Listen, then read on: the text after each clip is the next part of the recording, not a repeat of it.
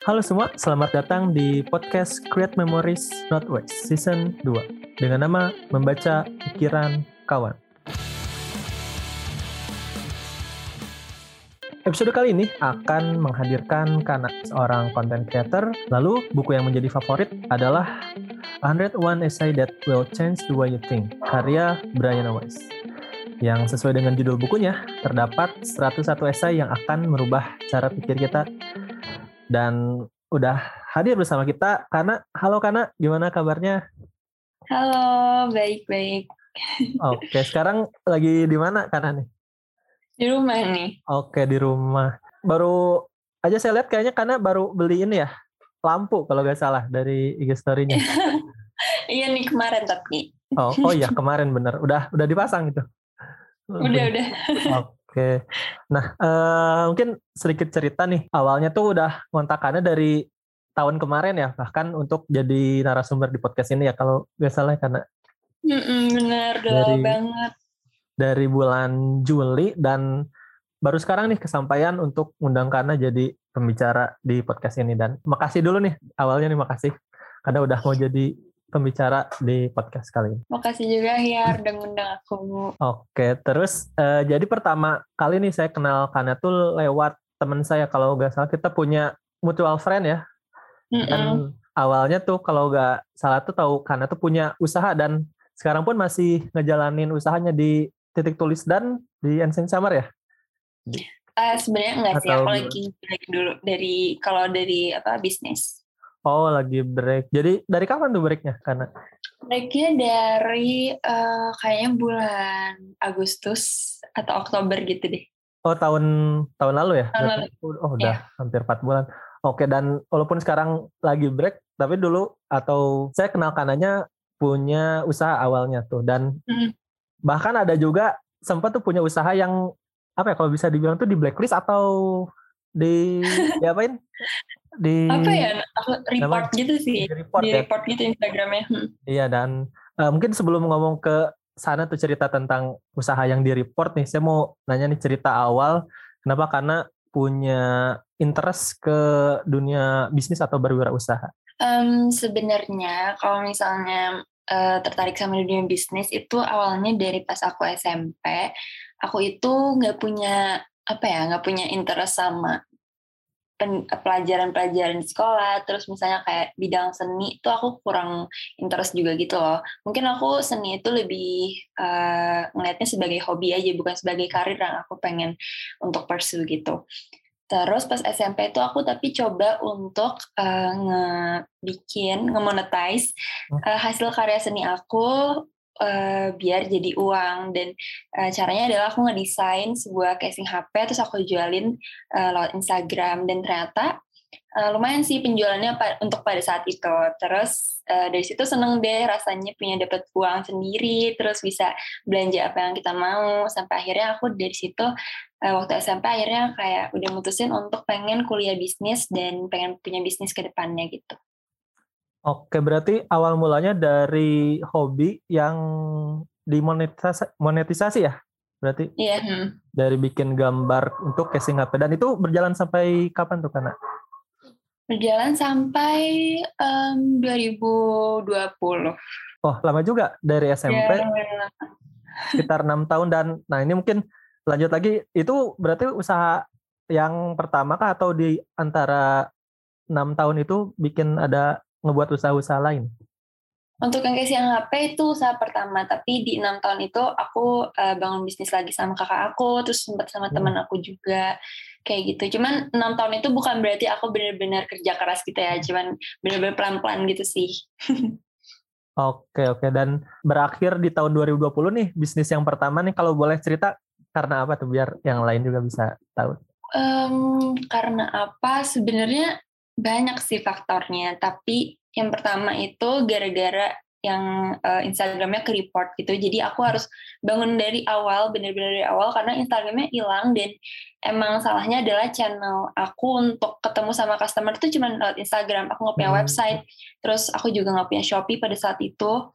Um, jadi aku benar-benar harus bangun dari awal lagi, harus promosiin lagi dan itu benar-benar exhausting gitu loh. Jadi aku akhirnya stop. Terus juga waktu itu sibuk skripsi, terus um, aku lama-lama mulai aktif juga di content creator. Jadinya kayaknya nggak kepegang juga dan hmm. mending hmm. apa ya lebih banyak opportunity-nya di content creator hmm. dibandingkan aku terusin bisnis ini gitu.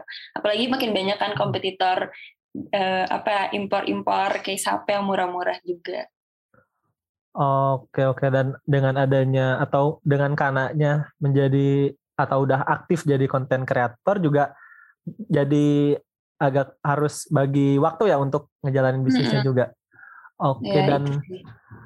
selanjutnya habis uh, ada casing HP itu ada apa lagi kan kalau boleh tahu? Uh, casing HP terus Ancient Summer itu sebenarnya lebih ke sama kayak bisnis case HP itu tapi ini monetis monetisasinya karya kakak aku lebih kayak ke kakak aku sih aku bantunya mungkin lebih ke promosi terus bikin konten-konten Instagramnya kayak gitu uh, ngejualnya kayak art print sekarang ada art hmm. print hmm. kalender terus uh, kartu itol yang didesain sendiri kayak gitu hmm. Oke, Ancient Summer. Jadi sama juga dari seni yang dimonetisasi, tapi ini dari kakaknya Kana ya? Yang yeah. Oke, dan yang terakhir ada titik tulis ya kalau nggak salah tuh untuk Iya, yang terakhir titik tulis. Nah, mau nanya nih, kan sebenarnya kalau dilihat titik tulis itu lebih ke buku atau notebook ya dibilangnya kalau kayak gitu tuh. Iya, buku Bentuknya, planner lah. Ah, buku planner. Nah, hmm. ada alasan tersendiri nggak kenapa spesifik ke planner gitu dalam bisnis yang karena buat ini? Sebenarnya kalau bisnis titik tulis ini bukan aku yang apa ya jadi foundernya sih. Hmm. Soalnya tuh um, lebih tepatnya ada kakak kelas aku waktu aku di uh, kuliah hmm. itu dia tuh uh, udah pernah punya project bikin planner waktu uh, saat, sebuah kelas di kuliahnya pada saat itu. Hmm. Terus um, dia uh, ketemu aku dan dia tahu aku bisa desain, jadi dia ngajakin aku untuk um, partneran gitu di bisnis ini karena dia udah tahu vendornya, udah kenal sama customer dan segala macam. Jadi jalanlah bisnis planner ini gitu sih awalnya. Oke oke berarti karena adanya dua apa ya, dua orang memiliki keahlian yang masing-masing yang mana bisa saling melengkapi untuk bikin dari titik tulis ini ya. Iya. Oke dan uh, dari uh, titik tulis ini berarti udah mulainya juga dari waktu kuliah? Oh, iya, waktu kuliah. Oke, dan yang terakhir tuh produknya uh, planner buat yang tahun 2022 ya? Kalau saya... Um, iya, tapi itu aku udah nggak ikut campur sih. Aku ngerjain yang terakhir 2021. Oke, oke. Oh, saya kira tuh masih uh, ikut andil sampai yang sekarang. Enggak, udah enggak. Oh, oke, oke. Dan mungkin agak geser ke yang tadi yang yang menyebabkan karena bukan yang menyebabkan jadi salah satu alasan karena lebih fokus ke hal lain yaitu membuat konten nih kalau boleh tahu nih dari kapan nih karena buat konten atau misalkan merasa bahwa wah saya senang nih buat konten dan uh, berkreasi dan mempublikasikannya atau menyebarkannya ke orang-orang? Sebenarnya aku tuh dari kecil nggak kecil banget sih maksudnya kayak dari awal aku tahu soal internet itu aku hmm. emang udah aktif kayak misalnya dari Friendster terus MySpace terus Twitter zaman dulu banget terus um, apalagi ya Tumblr dan segala macamnya aku tuh emang aktif gitu hmm.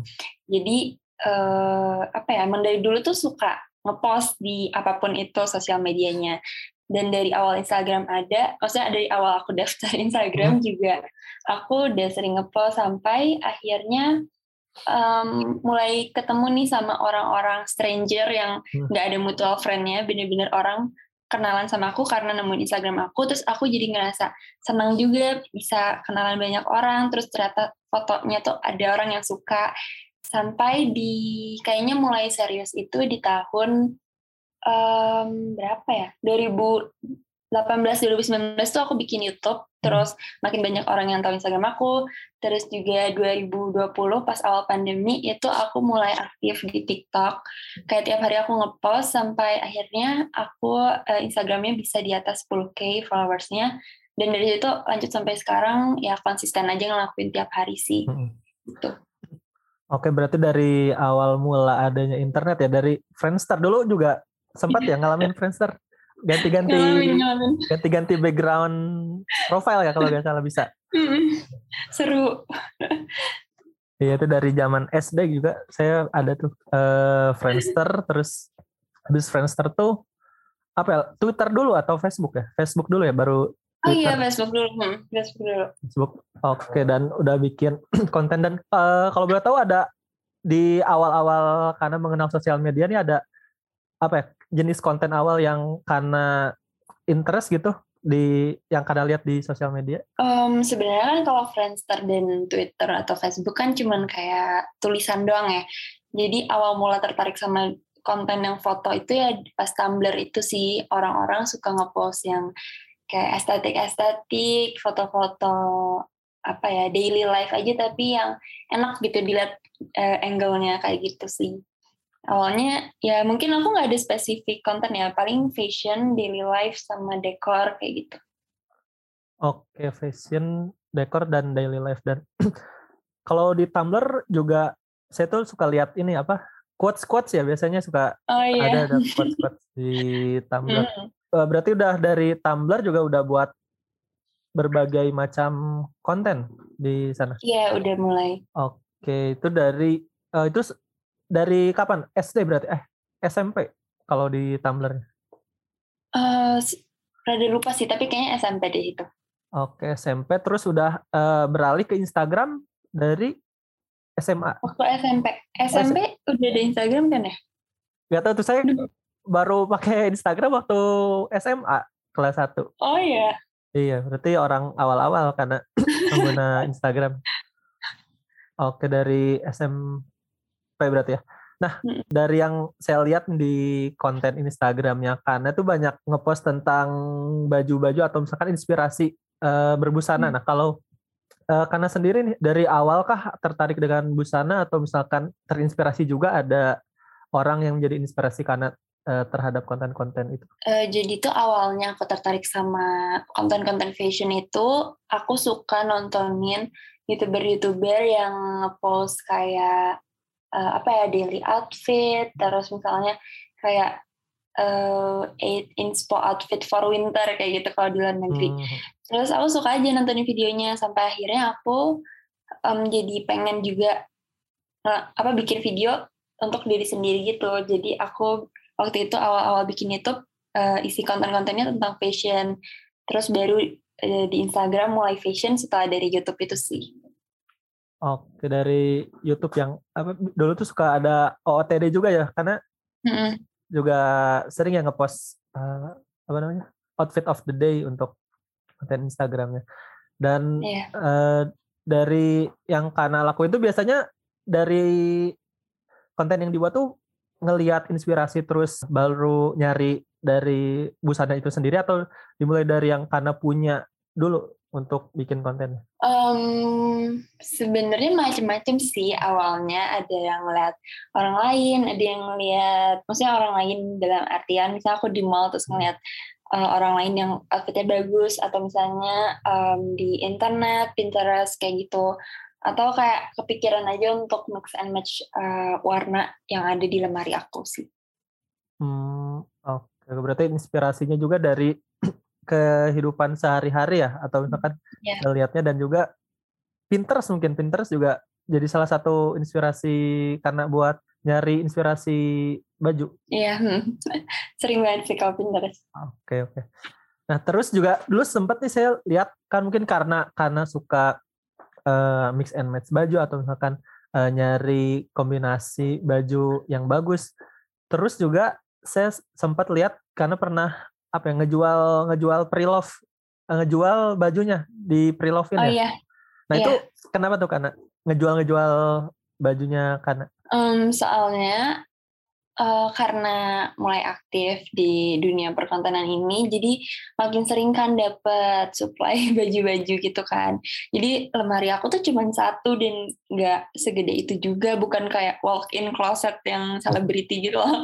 wah, Jadi nggak bisa muat banyak gitu loh. Jadi eh, aku kayak dua bulan sekali, tiga bulan sekali, kalau udah penuh aku keluar-keluarin aja sih bajunya aku jual-jualin. Tapi yang dijualin pastinya bukan baju-baju endorse ya, soalnya kan nggak enak ya hmm. kalau hmm. udah dibayar terus iya, malah iya. aku jualin lagi bajunya. Oke oke. Berarti masih aktif juga yang endorse endorse uh, baju sampai sekarang? Iya masih aktif. Oke oke. Dan kalau uh, boleh tahu nih mungkin uh, rata-ratanya atau misalkan uh, mulai ada endorse tuh dari kapan nih dari mulai awal karena uh, ngepost ngepost konten kah atau beberapa lama setelah uh, karena mulai aktif uh, ngepost inspirasi-inspirasi berbusana? Um, kayaknya uh, mulai itu setelah aku sering ngepost konten fashion sih di Instagram dan mungkin di angka followers lima ribuan gitu sih mulai brand-brand tertarik untuk uh, nge-approach aku. Hmm, oke okay, oke okay. berarti di sekitar lima ribuan uh, followers ya. Dan yeah. sempat sempat ini enggak atau sempat kaget gak ketika ada yang approach mau endorse awal-awal atau misalnya udah kebayang sama kan oh bakal ada yang endorse nih gitu. Kalau kebayang ya kebayang sih, cuman kayak uh, lebih ke gak nyangkanya tuh ada perasaan itu sih. Gak nyangka ada orang yang percaya untuk dipromosikan brandnya oleh aku. Terus apalagi kayak makin sini misalnya ada brand-brand yang udah ternama tuh masih apa ya bukan masih sih maksudnya mempercayakan aku padahal aku masih kecil gitu kan. Jatuhnya masih mikro. Jadi seneng sih excited dan seneng. Oke dan juga sejalan ya dengan konten yang karena buat juga jadi saling apa ya saling mutualisme juga uh, iya, iya. Oke dan selain konten berbusana atau inspirasi busana juga karena sering ngupload atau misalkan bikin konten tentang daily activity ya kalau bisa saya bilang. Iya. Hmm. Oke dan uh, ada juga sempat pernah nyinggung ada mungkin pertanyaan di IG story-nya Kana tentang uh, daily routine atau habits nih uh, yang Kana lakuin mungkin biar bisa produktif atau misalkan terencana lah atau uh, udah ada plannya nih tiap hari itu ngelakuin apa aja dan uh, hmm. kalau boleh tahu nih karena ada apa kayak rutinitas-rutinitas yang dilakuin oleh Kana nih setiap harinya agar bisa apa ya, kalau bisa dibilang tuh uh, membuat harinya komplit lah kayak gitu. Um, apa ya kalau pagi-pagi itu aku pasti udah uh, morning routine.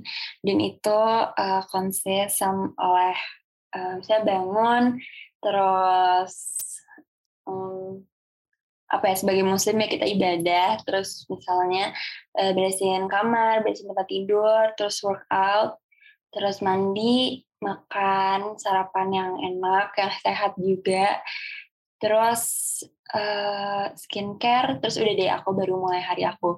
Dan sebenarnya itu simple ya kesannya tuh kayak rutinitas yang receh-receh aja gitu. Tapi uh, aku bener-bener ngerasain signifikan bedanya sama dulu sebelum aku punya rutinitas itu. Dulu tuh aku bukan tipe orang yang kayak gitu. Aku tipe yang nggak mau olahraga sama sekali. Terus aku juga uh, malah main HP lama-lama di kasur sampai jam 8 misalnya kayak gitu dari subuh Uh, dan itu uh, ternyata benar-benar ngaruh untuk punya rutinitas yang baik. Karena kalau misalnya kita memulai hari dengan positif itu bawaannya ke sorenya sampai malam itu positif terus. Dan apalagi kalau kita konsisten untuk ngelakuin itu tiap hari itu benar-benar ngerubah mindset dan uh, cara pikir kita untuk menghadapi sesuatu. Uh, makanya aku kayak sering-sering ngepost di Instagram tuh pengen nge-encourage orang untuk ini emang kesannya receh rutinitas tuh tapi ternyata ngaruh banget loh untuk segala aspek hidup kita kayak gitu. Oke sepakat sepakat. Saya juga kadang kalau misalkan dari pagi nih belum makan atau sarapan gitu kayak wah ini kurang komplit nih harinya ya, kayak harus harus makan dulu baru kayaknya udah tenang aja ngejalanin satu hari ke depan. Bener-bener setuju. Oke dan uh, boleh tahu gak ada mungkin dari daily routine yang udah Kana lakuin ada tips-tips nih biar kita bisa konsisten atau misalkan kita menghindari tuh kebiasaan-kebiasaan uh, buruk. Dan saya pun kalau bisa dibilang uh, ngalamin gitu kayak misalkan main HP tuh dari malam sampai subuh kalau bisa dipakai tidur ya harusnya tidur kan buat istirahat tapi malah uh, scroll scroll Instagram sosial media kayak gitu gimana kan uh, tipsnya yang pertama kita harus self aware sih sadar dulu bahwa kita tuh melakukan kebiasaan yang tergolong buruk dulu. Soalnya kalau misalnya udah sadar terus kita udah tahu bahwa ini berefek buruk untuk diri kita kita jadi tergerak untuk merubah diri. Apalagi uh, ya apa ya menurut aku tuh menurut aku apa yang kita lakukan sekarang itu bakal menjadi masa depan kita. Kalau misalnya hari ini aku melakukan hal buruk itu tuh bisa jadi uh, akibat dari bukan akibat penyebab dari hmm. masa depan aku yang nantinya buruk gitu loh. Makanya untuk menghindari itu mulai dengan melakukan hal-hal baik tiap harinya sekarang. Terus jadi pertama self aware dulu dan uh, tanam mindset itu dulu. Terus um, mungkin bisa mulai dari ngeplan bisa di HP, di laptop ataupun di jurnal kalian uh, tulis apa aja rutinitas pagi yang ingin kalian konsisten lakuin tiap harinya. Dan itu tuh nggak usah sesuatu yang terlalu besar terlalu masif gitu. Bisa uh, cuman kayak uh, apa ya misalnya olahraganya nggak perlu sampai ke gym atau misalnya harus yang berat-berat bisa aja cuman yoga atau misalnya jalan 15 menit deh keliling komplek doang jalan pagi. Itu udah bener-bener ngaruh loh buat mindset kita. Dan, dan mulai aja semuanya dari rutinitas dari yang kecil-kecil aja. Nanti lama-lama setelah kita udah ngerasain ngerasain uh, efek baiknya pasti kita pengen ningkatin juga kan lama-lama kita jadi tertarik untuk misalnya daftar gym atau misalnya kita tertarik untuk makan yang lebih sehat lagi kayak gitu. Oh iya benar semangat dan juga uh, kalau bisa saya bilang juga saya pernah dengar uh, kata-kata orang lupa dari mana. Jadi ketika kita uh, punya kebiasaan buruk, uh, sebisa mungkin kita bikin kebiasaan baru yang bisa mereplace dari kebiasaan buruk itu. Kalau nggak salah. Um, menarik sih ini, aku baru dengar. Iya, jadi karena sebenarnya kalau kebiasaan tuh uh, bisa dibilang apa ya lebih ke emang dibutuhin dan udah jadi rutinitas. Jadi bagusnya sih kalau uh, yang saya dengar itu dibikin hmm. aja kebiasaan baru yang bisa mereplace. Nah kalau menurut Kana itu gimana? Itu benar sih, itu benar. Uh, ini aku baru dengar juga dan menarik sih perspektif itu. Oke, okay.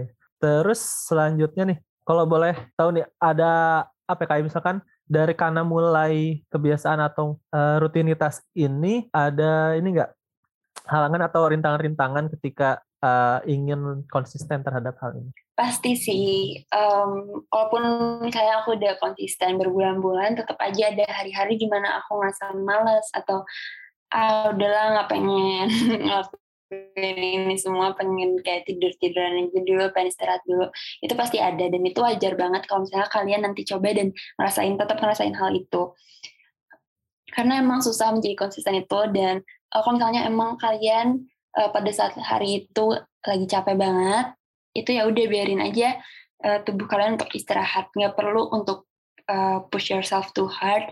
Terus juga tapi kayak kalau misalnya alasannya karena karena males itu baru uh, sesuatu yang perlu diubah sih. Kalau karena capek oke okay, nggak apa-apa. Tapi kalau karena males itu perlu diubah. Karena um, untuk bisa nggak males untuk uh, apa ya nemuin motivasi untuk ngelakuin sesuatu tuh motivasinya tuh nggak datang sebelum kita ngelakuin gitu loh. Motivasi itu datang setelah kita melakukannya justru. Jadi uh, kalau aku biasanya uh, pada saat aku nggak mau olahraga justru itu timing yang tepat untuk aku paksain diri untuk olahraga. Jadi kalau kalian lagi males ya udah paksain diri untuk misalnya uh, nonton video, bukan nonton misalnya ngikutin video yoga 10 menit.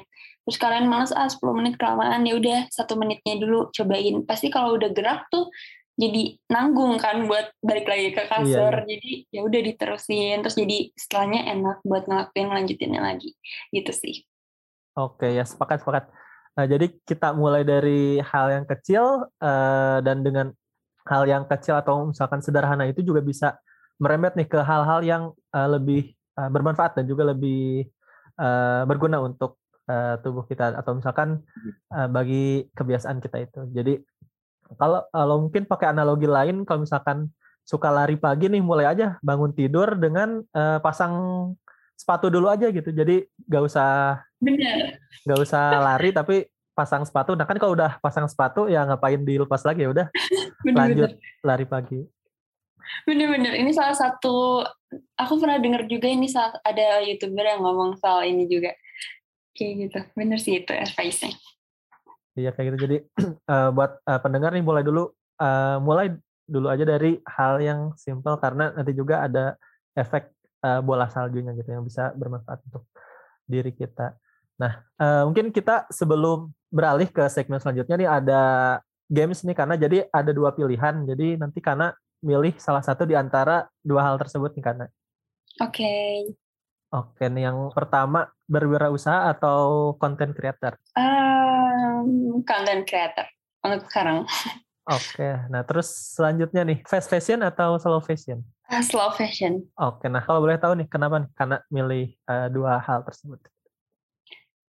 Um, kalau misalnya antara berwirausaha dan content creator itu untuk sekarang aku sangat enjoy sama pekerjaan content creator ini sih karena uh, aku passionate di bidangnya jadi kalau capek pun capeknya tuh senang gitu bukan sesuatu yang aku nangis-nangis gitu loh.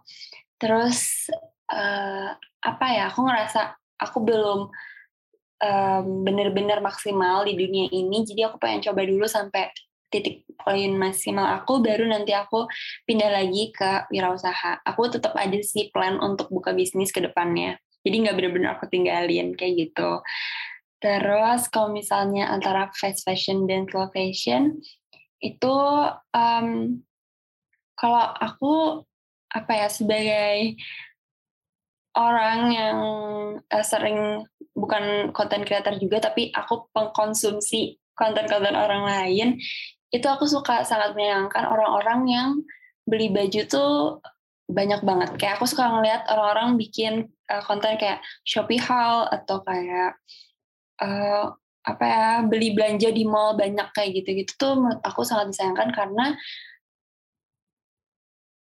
aku ngerasa kita tuh harus spend uh, money dan juga apa ya lebih wise gitu loh untuk spend money terus juga uh, ngisi lemari kita pilihlah barang-barang yang emang bakal kita pakai bukan cuma lucu doang bukan cuma tren doang.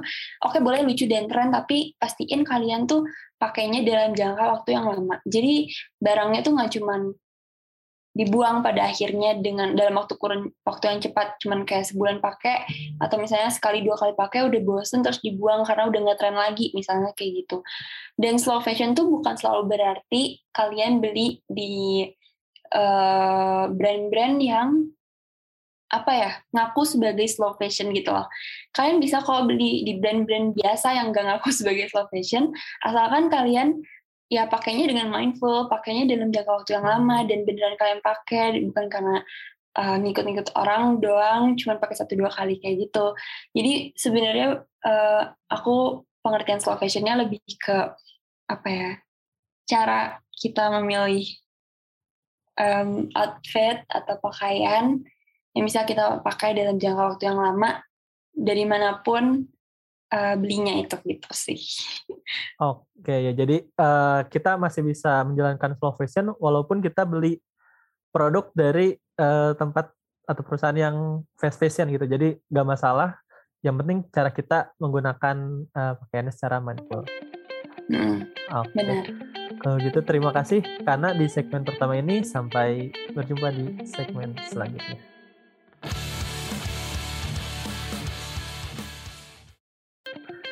Di segmen kedua ini, kita bakal membahas buku 101 Essay That Will Change the Way You Think karya Brian Weiss. Yang sesuai dengan judul bukunya, terdapat 101 esai yang akan merubah cara kita dalam berpikir. Nah, kalau boleh tahu nih, karena pertama kali tahu buku ini tuh dari mana? Pertama kali aku tahu buku ini itu sejujurnya aku lupa sih antara dari Pinterest atau dari salah satu selebgram inspirasi aku di Instagram itu ada yang namanya Sheila Arif dan dia itu uh, seorang entrepreneur dan dia suka baca buku. Nah, aku suka ngikutin buku-buku apa aja yang dia baca. Salah satunya adalah buku ini, tapi aku lupa awalnya aku tahu dari dia atau dari Pinterest. Hmm. Oke, oke. Berarti tahu buku ini dari kapan kalau bisa dibilang? Uh, dari tahun lalu, awal tahun lalu deh kayaknya. Oke, udah setahun ya berarti? Iya. Oh, Oke, dan uh, mungkin yang pertama kali ngebuat karena tertarik nih dengan buku ini tuh apanya karena? Sebenarnya dari buku dari judulnya sih kayak um, uh, dari judulnya 101 Essays That Will Change the Way You Think bikin aku uh, tertarik uh, sama isinya kayak apa ya kira-kira mindset-mindset apa yang ba bakal bisa dia rubah si penulis ini rubah setelah aku baca buku ini gitu aku jadi tertarik sama itu sih. Oke, dari dari berarti mulai dari judul bukunya dan ketika karena udah baca nih merasakan mungkin ada kayak di pikiran tuh kayak klik wah ternyata emang berubah tuh dari uh, mungkin dari awal kah atau ada bab-bab uh, tertentu yang membuat karena berpikir kembali tentang cara karena berpikir? Uh, dari awal itu udah kerasa buku ini bakal bagus banget dan jadi favorit aku dan jujur setiap orang nanya rekomendasi buku aku selalu rekomendasiin ini soalnya ini benar-benar menurut aku salah satu buku yang life changing sih. Hmm, oke okay, oke okay. dan kalau boleh tahu nih dari berapa dari 101 bab yang ada di buku ini ada bab yang karena favoritin? Sebenarnya banyak banget yang aku tanda-tandain jadi bab favorit aku. Cuman mungkin yang aku suka judulnya it dan bahasanya juga itu ada di uh, bab 14 uh, judulnya kalau dalam bahasa Inggris expectations you must let go of in your 20s dan yang 30 uh, science the only problem with your life is the way you think about it. Oke, nih dari mungkin saya mau mulai dari yang bab 14 dulu nih ketika uh, dari judulnya uh, ekspektasi yang harus di apa ya, di let go atau ditinggalkan ketika udah hmm. beranjak 20 tahun misalkan atau kalau lagunya tuh ada apa takut beranjak dewasa ya mungkin salah satu Oh iya, yeah. kemarin-kemarin viral. Iya, yang sempat viral di TikTok dan malah yang lebih viralnya yang lebih uh, yang versi remix yang lebih viral. Oh iya. Nah, uh, dari yang tertulis atau misalkan dilihat dari judulnya hal-hal yang perlu atau ekspektasi yang perlu kita uh, lepaskan di umur uh, 20 atau ketika kita udah beranjak 20 tahun nih salah satunya adalah uh, umur 20 tuh bukan merupakan uh, awal dari kehidupan. Nah, uh, kalau yang kalian lihat nih, uh, mungkin apakah benar gitu umur 20 tuh sebenarnya bukan awal atau misalkan bukan awal tapi apa nih kalau bisa karena ceritain? Um, sejujurnya aku tuh rada apa ya setuju nggak setuju gitu hmm. sih sama uh, poin nomor dua ini karena uh, di sini uh, di poin ini si penulis itu ngebahas bahwa uh, umur 20 kenapa bukan jadi awal dalam kehidupan karena banyak orang itu bahkan meninggal di umur 20 atau misalnya bahkan orang itu uh, meninggal di umur eh, uh, 30 gitu. Yang mana berarti 20 itu bukan awal kehidupan. Awal kehidupan tuh pasti pas kita bayi kayak gitu hmm. dia nganggapnya. Jadi um, tapi oke okay, aku setuju soal itu. Tapi at the same time aku uh, juga setuju sama uh, mindset yang di mana dia bilang salah kayak you are at the beginning of your life. Kenapa aku uh, setuju? Soalnya di 20 itu aku ngerasain umur 20, aku sekarang umur 21 dan jadi pas aku masuk umur 20 aku benar-benar ngerasain yang namanya pertama kali masuk adulting life. Kayak nge cara kita milih kerja, terus lulus kuliah mau ngapain, karena kita benar-benar free banget jadwalnya, nggak tahu mau apa, benar-benar kita yang nentuin sendiri, Nah dari situ uh, dari pikiran itu aku jadi setuju sama poin ini sih. Kalau menurut Ahyar gimana? Aku pengen tahu oh, perspektif kamu. Kalau menurut saya sebenarnya kalau bisa dibilang bukan menjadi awal kehidupan tapi banyak hal-hal baru yang didapetin di umur 20 kayak misalkan ah, uh, sama kayak uh, mulai nyari kerja atau misalkan kira-kira nih pilih pilihan pekerjaan mana yang mau saya lakuin misalkan mau di startup kah atau di korporasi kayak gitu sih kalau uh, bisa dibilang banyak hal-hal baru yang ditemuin di umur 20 walaupun sebenarnya dari umur 20 tuh adalah uh, apa ya akibat atau misalkan happen gitu umur 20 tuh karena kita udah menjalani umur-umur sebelumnya. Jadi hmm. bukan menjadi awal tapi banyak hal baru yang didapetin di umur 20 sih kalau menurut saya. Benar-benar setuju. Mungkin itu penjelasan yang lebih jelas dari penjelasan aku yang tadi. Kalimat yang iya. lebih tepat. Oke okay, ya. Jadi ya sih lebih banyak pengalaman dan juga lebih apa ya lebih mudah mengeksplor sesuatu kalau bisa mm -hmm. saya bilang gitu karena udah apa udah punya tanggung jawab masing-masing jadi nggak terlalu kebergantungan lah sama orang lain. Benar-benar. Oke dan uh, ada lagi yang mau disampaikan karena nih yang di nomor dua ini? Uh, udah sih kalau poin kedua. Oke, next nih ada uh, poin selanjutnya uh, di bab 14 ada di poin 8.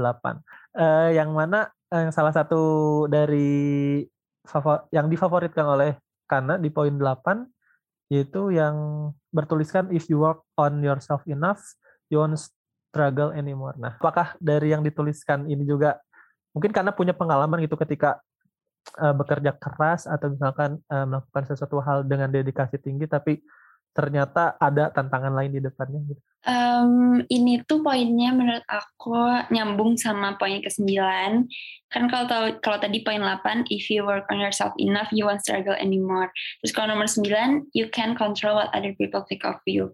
Maksudnya ini kalau lebih jelas lagi buat para pendengar, uh, si penulis ini pengen ngasih tahu bahwa mindset kalau misalnya kita kerja keras banget kita nggak bakal gagal kita nggak bakal nemuin masalah.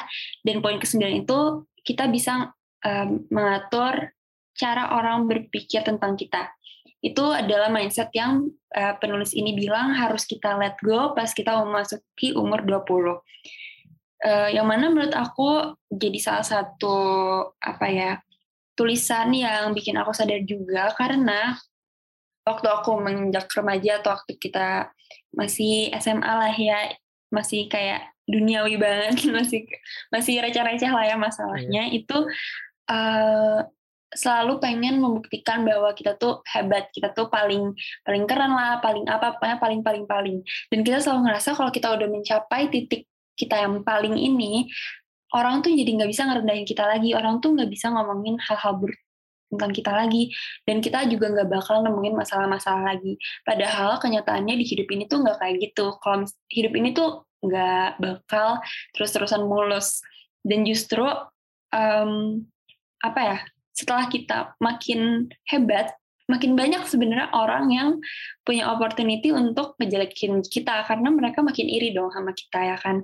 Jadi um, apa dari dua poin di bu, di bab ini aku ngerasa uh, untuk harus benar-benar apa ya, kesannya ikhlas kalau diomongin sama orang lain karena ya udah kita fokus aja sama diri sendiri. Toh orang lain kayak kita ketemu mereka ya paling sekali sebulan atau sekali dua bulan. Atau bahkan ternyata kita nggak ketemu sama mereka sama sekali sampai setelahnya gitu. Jadi nggak terlalu masalah. Terus juga nyambung sama poin nomor 8 kenapa? Karena um, di sini bilang if you work on yourself enough you won't struggle anymore. Yang mana justru uh, waktu kita kerja keras itu kita bakal lebih nemuin banyak uh, tantangan di ke depannya atau masalah di ke depannya. Tapi uh, setelah kita ngerubah mindset dan setelah uh, aku ngerubah mindset dan aku jauh lebih dewasa, itu aku ngerasa masalah-masalah itu aku bisa ngelihatnya dari perspektif, banyak perspektif dan salah satunya adalah dengan ngeliat sebuah masalah itu sebagai sebuah tantangan. Jadi dari awalnya ngerasa takut, terus misalnya nggak nyaman, itu aku justru ngeliat uh, masalah itu jadi exciting, jadi kayak excited nih buat uh, menyelesaikan si challenge ini gitu. Kayak kesannya kita lagi naik level dalam sebuah game kayak gitu. Dan mindset ini aku bisa dapat dan bisa aku tanam di diri sendiri ya karena baca buku ini sih. Jadi makanya buku ini menurut aku adalah suatu buku yang life changing oke ya sepakat juga dengan analogi games ya. Jadi dengan kita naik level maka musuh yang dihadapi juga bakal lebih kuat lah kalau bisa bilang dan jangan hmm. juga berkecil hati karena dengan yang naik level juga kita poinnya atau misalkan apa ya kalau bisa dibilang tuh XP-nya lah kita yang yang kita miliki juga bakal naik gitu dan kalau saya sendiri sebenarnya di poin nomor 9 tuh ya ketika kita gak bisa kontrol nih apa yang orang uh, pikirkan tentang kita. Saya tuh suka ngerasa senang sih sebenarnya kalau ada orang yang uh, ngomongin saya sendiri atau misalkan mikirin saya karena wah se worth it itu kan saya untuk dipikirkan orang lain gitu. Kayak oh kayak itu mindset yang baik sih itu. Iya kayak uh, bangga lah gitu. Walaupun sebenarnya apa pun yang diomongkan oleh orang lain gitu kan nggak tahu tapi wah kayak bangga aja gitu ternyata bisa juga saya diomongin sama orang lain. Oke, terus uh, di poin 8, 9, terus ada dua poin lagi nih yang karena tandain ya di bab 14 tuh. Di poin nomor 11 yang isinya adalah your thoughts will change themselves when your circumstances change. Ah, nah ini ada korelasinya juga kah dengan yang nomor 12 atau berdiri sendiri? Um, uh, sebentar. Uh, mungkin ada korelasinya dikit ya. Kalau misalnya yang nomor 11 itu kan artinya adalah pikiran kita atau feeling kita itu menurut kita, menurut diri kita yang masih kekanak-kanakan, itu bakal berubah saat keadaan kehidupan kita berbeda juga. Yang mana itu mindset yang salah menurut si penulis ini karena uh, mostly itu orang-orang berpikir contohnya kayak mereka insecure uh, minderan sama orang-orang iri sama misalnya dari fisik lah atau alasan atau segala macam lainnya dan mereka merasa kayak unworthy terus nggak uh, lovely nggak lovable gitu dan ngerasa kayak nggak nggak ada orang yang suka sama mereka dan mereka nggak gak, gak worth eh, dan mereka merasa worthless lain darinya. Hmm. Nah mereka merasa bahwa mereka bakal worthy atau mereka bakal konten sama diri mereka setelah misalnya mereka menemukan uh, pasangan atau misalnya setelah mereka udah kaya, udah sukses kayak gitu. Yang mana itu mindset yang salah karena untuk menjadi konten dengan diri kita sendiri dan merasa worthy itu bukan dari uh, apa yang orang lain berikan. Jadi itu bukan sesuatu yang diberikan orang lain, tapi apa yang diri kita berikan kepada diri kita sendiri. Apa yang itu sesuatu yang kita capai oleh diri kita sendiri gitu. Dan ini tuh sebuah mindset yang apa maksudnya sebuah kejadian yang terjadi juga pada diri aku pas aku remaja. Kayak pas aku remaja aku selalu minderan, insecurean dan segala macamnya. Dan aku selalu ngerasa aku bakal berubah mindset ini setelah aku udah dapetin apa yang aku mau. Padahal ternyata sekarang pun aku belum dapetin apa yang aku mau, tapi aku udah merasa content with myself kok dengan karena apa? Karena aku ya berusaha untuk uh, apa ya kayak berusaha untuk mengelilingi diri aku dengan positif-positif vibe, dengan orang-orang yang baik, lingkungan yang baik, terus mengkonsumsi konten-konten yang baik juga.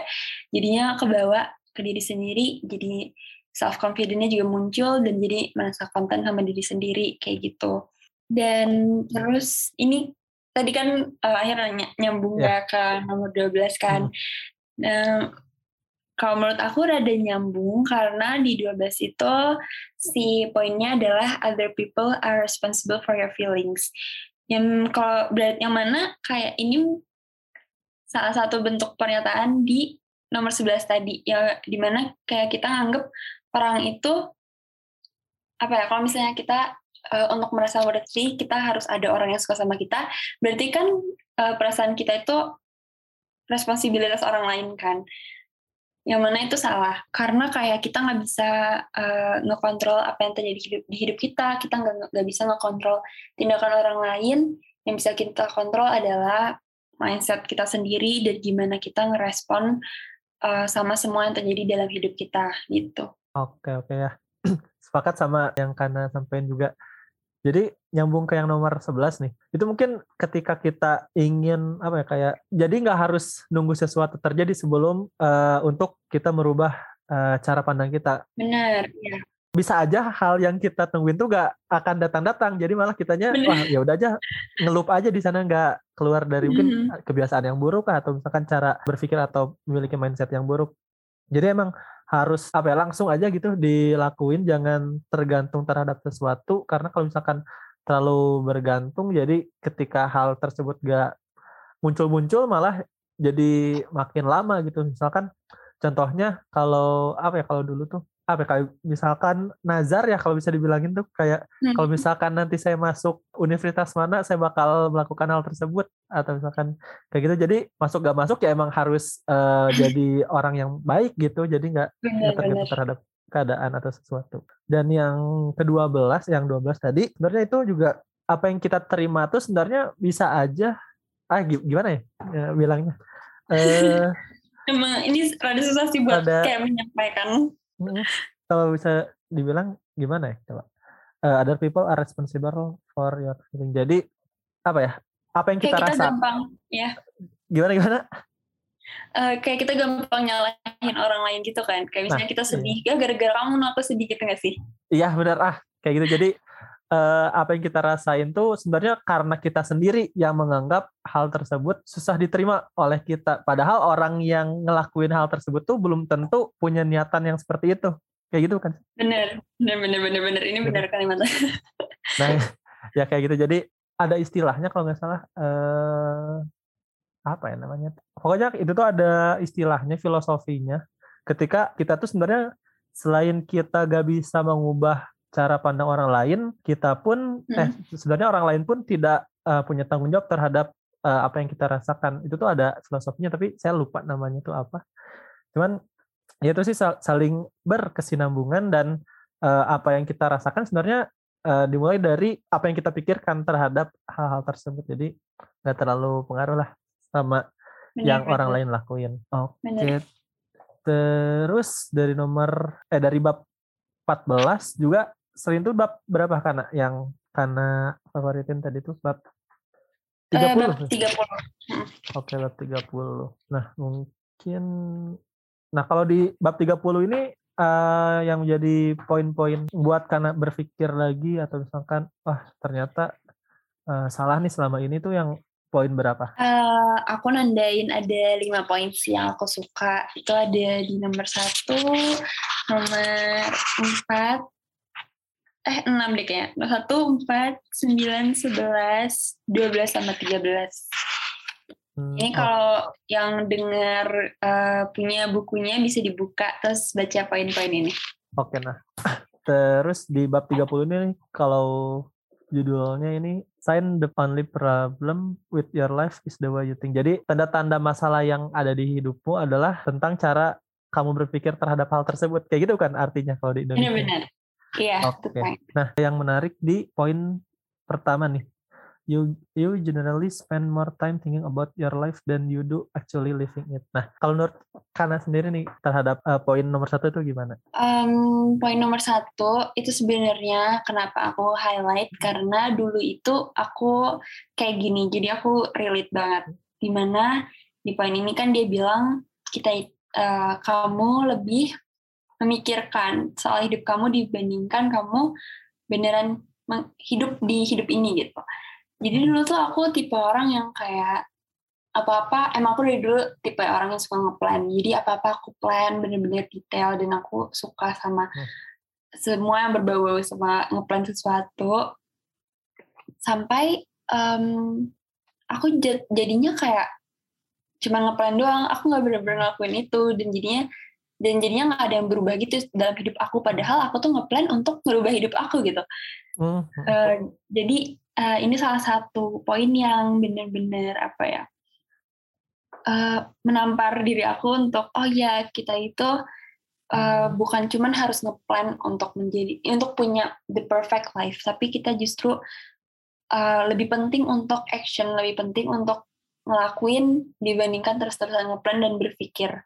Kayak gitu Oke, sepakat. Dan eh, saya juga kayaknya pernah ngelakuin hal kayak gitu. Jadi apa ya, lebih ke bukan ngeplan daily plan, tapi lebih ke ngeplan pengembangan diri. Jadi dulu saya pernah Hmm. bikin list nih, kira-kira apa aja hal-hal yang bisa saya lakuin dan kira-kira mau di upgrade segimana kah skillnya tersebut dan udah dirunut tuh sampai eh, ABCD sampai misalkan taraf saya mahir segimana terus udah Hmm. dijadwalin dan sampai sekarang belum dilaksanain sama sekali. Jadi emang apa ya kalau bisa dibilang planning itu juga penting sebenarnya tapi lebih penting ya actionnya gitu. Jadi harus Hmm. dilakuin. Terus selain di nomor satu ada juga di nomor empat ya tadi atau enam?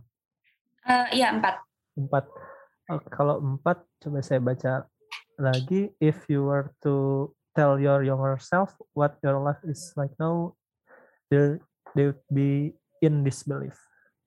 Oke, jadi ketika kita ngasih tahu diri kita yang lebih muda eh, di masa lalu seperti apa keadaan kita sekarang, maka mereka akan eh, tidak percaya ya. Gitu. Nah, gimana kan kalau menurut kan? Ini tuh poinnya kenapa aku bisa relate banget karena eh, bahkan di poin titik hidup aku saat ini yang mana sebenarnya kalau misalnya mungkin orang lihat itu kayak senang, happy, kayak fulfill gitu, tapi pastinya ada sedih-sedihnya dan kayak kadang adalah burnout ya pasti ya pekerjaan apa pun itu mau kita sepassionate itu kita pasti ada burnoutnya. Dan pada saat burnout itu kayak aku harus bukan aku aku harus bisa nanamin mindset si poin 4 ini yang mana kalau misalnya aku flashback ke masa kecil aku atau masa SMP SMA yang mungkin gak usah kecil-kecil amat tapi eh, masa lebih muda aku kayak ini loh sekarang aku hidupnya kayak gini aku kerjanya ini aku sehari-hari kayak gini itu pasti mereka nggak akan percaya karena dulu dulu aku berada di poin titik hidup yang berbeda banget dan aku punya pandangan berbeda soal masa depan eh, dibandingkan kayak apa yang sebenarnya terjadi di masa depan gitu. Jadi ini Hmm. salah satu poin yang eh, aku selalu ingat setiap aku lagi burnout biar oke nggak apa burnout berarti itu eh, tanda kita harus istirahat tapi eh, jangan lupa selain istirahat eh, juga harus eh, bersyukur sama titik hidup sekarang kayak gitu. Jadi kita ngebayangin kira-kira kalau misalkan kita ketemu dengan diri kita yang lebih kecil atau di masa lalu, bukan mungkin lebih ke bangga ya, bukan ketidakpercayaan, Iya, bahwa lebih dengan uh, diri kita di masa lalu dan dan sekarang kita seperti ini, kita yang di masa lalu jadi bilang uh, bangga lah. Karena kita udah ngelakuin uh, berbagai banyak hal-hal dan mungkin ada rintangan juga ada masalah-masalah yang udah di overcome oleh kita gitu. Terus di nomor habis di nomor 4 ada di nomor oh ini karena masih banyak ada 6, 9, 11, 12 dan 13. Kita dua lagi aja deh, dua lagi mungkin boleh boleh. biar tidak terlalu panjang eh, podcastnya. Coba di nomor berapa ya? Eh, mungkin aku nge-highlight yang terakhir aja kali ya, nomor Boleh, boleh, 12, 13. Soalnya ini rada nyambung sama bab 14 yang kema- yang tadi. Oke, boleh boleh karena Kalau yang nomor 12 tuh em, apa? You think that being uncomfortable and fearful means you shouldn't do something. Apa ya bahasa Indonesianya ya akhir kayak penjelasannya? apa ya ketik antar you think that being uncomfortable and fearful mean you shouldn't oh ketika kamu merasa tidak nyaman dan apa ya, ketakutan itu tandanya kamu tidak berhak menjadi apa pun itu bukan Iya benar-benar benar-benar. Nah, em, ah, kenapa itu eh, aku suka poin ini? Karena eh, dulu itu aku tuh tipe orang yang dari dulu dari aku kecil itu aku susah adaptasi. Kayak tiap aku masuk eh, sekolah baru SMP SMA itu aku pasti sebulan pertama nangis terus karena aku anaknya rada susah adaptasi gitu. Dan aku selalu suka berada di zona nyaman. Aku selalu takut untuk keluar. Nah, aku baru berani keluar dari zona nyaman pas aku udah berkarir sekarang. Karena em, karena kenapa? Karena setelah aku coba untuk apa ya melangkah keluar dari zona nyaman, ternyata tuh aku malah ketemu sama eh, dunia yang lebih baik. Kayak aku merasa hidup aku jauh lebih baik. Nah, pada saat kita mau keluar dari zona nyaman, itu tuh kita selalu pasti ngerasa eh, pastinya nggak nyaman dan takut karena kita nggak pernah masuki dunia itu gitu. Kita nggak pernah ngebuka pintu dan melangkah keluar dari dunia nyaman kita. Dan kita selalu ngerasa perasaan takut dan gak nyaman itu adalah tanda bahwa kita nggak perlu deh ngelakuin itu, kita di sini aja, kan kita udah safe gitu, kita selalu ngerasa gitu. Padahal setelah aku coba untuk tantang diri aku, itu dengan justru dengan kita step out, itu kita ngebuka opportunity yang jauh lebih banyak. Kayak misalnya kalau di zona nyaman kita ketemu tiga opportunity, tapi setelah kita buka pintu kita kayak bahkan bisa ngelihat 20 opportunity baru gitu. Jadi um, justru waktu kalian ngerasa gak nyaman dan ngerasa takut itu adalah tanda bahwa kalian harus ngelakuin itu, bukan kalian malah jadi nggak mau ngelakuin itu gitu. Kalau yang di poin nomor 12. Oke oke. Jadi oh bukan bukan menjadi sesuatu atau uh, mungkin tadi salah uh, translate translate-nya bukan menjadi sesuatu tapi melakukan sesuatu ya. Iya. Nah, iya jadi dengan kita keluar dari zona nyaman itu bukan berarti kita harus apa kayak meratapi keadaan tapi kita juga bisa uh, memperlebar nih zona nyaman kita. Jadi yang asalnya tidak nyaman kita buat nyaman dengan uh, mungkin walaupun struggle di awal tapi kita coba bangkit lagi dan untungnya nanti ke depannya kita bisa apa ya zona nyaman yang kita miliki juga jadi makin luas gitu. Jadi kita akan apa ya, akan lebih mudah lah melakukan satu hal dengan yang lainnya karena udah terbiasa juga dengan uh, keluar dari zona nyaman. Benar, benar yang itu. Oke, dan tadi juga mungkin ada satu hal ya yang uh, sempat disinggung juga adanya opportunity baru. Nah, kalau bisa hmm. saya bilang tuh opportunity itu apa ya? Opportunity juga sebenarnya salah satu tipe dari keberuntungan kalau bisa misalkan saya bisa bilang. Jadi saya juga sempat dengar nih kalau misalkan di dunia ini ada tiga keberuntungan. Jadi keberuntungan yang pertama tuh keberuntungan yang uh, benar-benar beruntung. Kayak misalkan saya jalan, lagi jalan di pantai terus tiba-tiba nemu harta karun. Hmm. Kan itu keberuntungan yang uh, pure yang murni. terus ada juga keberuntungan yang dibarengi oleh skill. Misalkan kita lagi lagi naik perahu. Ya. ya, kita lagi naik perahu terus kita nemu nih ada harta karun di bawah laut. Nah, tapi kita udah punya kemampuan untuk nyelam. Jadi kan itu uh, keberuntungannya yang dibarengi dengan skill. Jadi kalau misalkan kita nggak punya skill untuk nyelam ya udah kita nggak dapat harta karunnya gitu. Nah, hmm. untuk yang ketiga adalah keberuntungan yang uh, levelnya lebih tinggi lagi. Jadi contohnya adalah ketika orang lain nemu harta karun di bawah laut tapi dia gak bisa Eh, ngambil karena dia gak bisa berenang, tapi dia tahu kita adalah orang atau misalkan kita penyelam paling handal di seluruh dunia. Nah, jadi dia uh, ngontak kita untuk ngambil harta karun, walaupun kita bukan yang pertama kali nemu harta karun, tapi kita beruntung dengan expertise yang kita punya untuk bisa dapat harta karun. Jadi uh, dengan kita keluar dari zona nyaman atau misalkan kita belajar skill baru, kita bisa apa ya uh, dapat opportunity opportunity dari keberuntungan orang lain juga hmm. kayak gitu sih. Kalau... Bagus deh analoginya. Terus uh, yang nomor 12 dan 13 ya berarti yang terakhir. Yeah. Kenapa tuh Kana? Uh, nomor 13 kan uh, poinnya adalah you wait to feel motivated or inspired before you act. Yang mana um, berarti kamu tuh nunggu uh, motivasi itu datang atau inspirasi itu datang sebelum kamu bahkan ngelakuin hal itu uh, ini pasti terjadi di di kamu juga dan kita semua nggak sih? Iya iya. kita sering kayak gini, kayak uh, bangun tidur terus kayak ah nunggu mood deh, nunggu mood uh, ngerjain tugas, nanti deh nungguin nunggu mood untuk kerjain ini kayak gitu. Padahal hmm. mood itu tuh datang bukan dengan kita nunggu kayak itu tuh nggak bakal datang kita nunggu iya. itu mood itu datang saat kita justru udah ngelakuin, saat kita udah menantang diri kita untuk paksain diri kita ngelakuin hal tersebut. Dan biasanya itu uh, mood itu justru datang di ya 15 menit pertama kita ngelakuin gak sih? Kayak misalnya nulis skripsi nih, awal-awal kayak aduh males banget, udah kebayangkan capeknya kayak iya. gimana. Tapi kalau misalnya udah 15 menit, udah setengah jam, kayak kita malah jadi semangat untuk terus-terusin nambah nih halamannya, nambah nih uh, referensi skripsi dan segala macamnya. Jadi um, itu sih yang selalu aku tanam kalau misalnya aku lagi males kayak oke okay, nggak apa, paksain diri lakuin dulu. iya, ya, sepakat sepakat. Uh, mungkin ya sih kalau misalkan dibilang motivasi itu datang karena kita udah ngelakuin hal tersebut.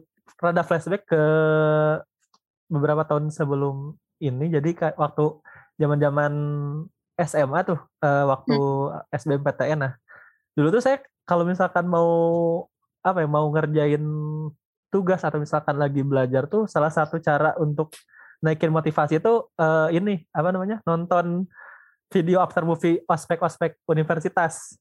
Oh, gitu. jadi termotivasi gitu ya? Iya bener. Nah walaupun emang ada rasa termotivasi, tapi ya kalau misalkan udah ada motivasi, tapi misalkan uh, habis nonton sayanya malah malas-malasan lagi atau misalkan malah jadi tidur-tiduran ya nggak terlalu berefek lah si motivasinya nggak hmm. ada hasilnya jadi uh, walaupun dengan nonton tuh mungkin nambah ini ya apa momentum lah momentum untuk kita hmm, bisa iya, iya. melakukan hal tersebut kayak gitu dan balik lagi ke masalah skripsi atau misalkan ketika kita melakukan atau membuat sesuatu dan uh, memang yang pertama pasti akan jelek sih uh, mau gak mau. Karena dengan iterasi yang dilakukan dari apa yang kita lakukan di awal gitu juga itulah yang membuat uh, hal tersebut menjadi bagus atau misalkan apa ya ber berhasil lah atau mm-hmm. bisa dibilang uh, membuahkan hasil. Nah kayak gitu sih kalau saya tangkap dari nomor 13 ini. Oke terus ada lagi karena atau udah cukup nih kali ini untuk uh, poin-poinnya hmm, cukup sih kayaknya cukup.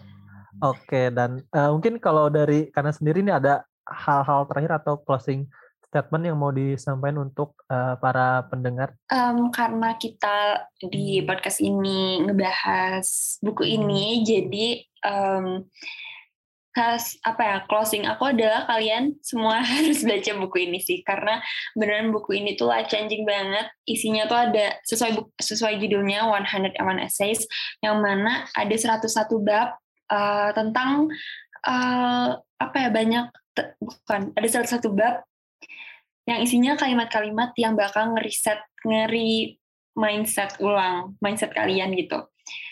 Dan uh, kalau misalnya kalian ngerasa kurang confident, kalau kalian ngerasa sering minderan, insecure, atau misalnya masih ngerasa nggak konten sama diri kalian sendiri, kalian bisa mulai baca buku ini, karena dari bab satu, bab dua aja udah udah kerasa deh bagusnya ya nggak sih akhir kayak bener-bener life changing banget buku ini. Dan ini bukan tipe buku yang kalian bisa selesai dalam semalam atau bahkan sebulan. Ini tipe buku yang kalian uh, baca pelan-pelan dan kalian uh, selalu balik lagi ke buku ini kalau kalian lagi ngerasa sedih gitu sih kalau kalau dari aku tentang buku ini. Oke, ya sih sepakat. Jadi uh, gak bisa sehari atau misalkan seminggu untuk namatin dan yeah. ini pun saya masih uh, setengah jalan ya gitu, masih 50 bab pertama dan hmm. memang uh, bagusnya tuh sambil direnungin ya untuk uh, Iya. Benar-benar. Iya. Oke, kalau gitu terima kasih kembali nih karena atas waktunya dan telah berbagi perspektif di podcast kali ini. Terima kasih juga. Dan saya ingin coba merangkumnya dengan mengutip quotes dari buku ini yang berbunyi, uh, happiness is not how many things you do, but how well you do them. Uh, more is not better, happiness is not experiencing something else it's continually experiencing uh, what you already have in a new and different way ya jadi kurang lebih itu untuk episode kali ini. Jangan lupa untuk mendengarkan episode episode lainnya. Dan episode ini adalah episode terakhir di season ini dan akan kembali ada episode baru di season yang baru. Dan akan ada banyak lagi kisah-kisah menarik dan segmen seru yang bakal kita jumpai. Uh, terima kasih, saya Ahyar pamit, sampai jumpa di season selanjutnya.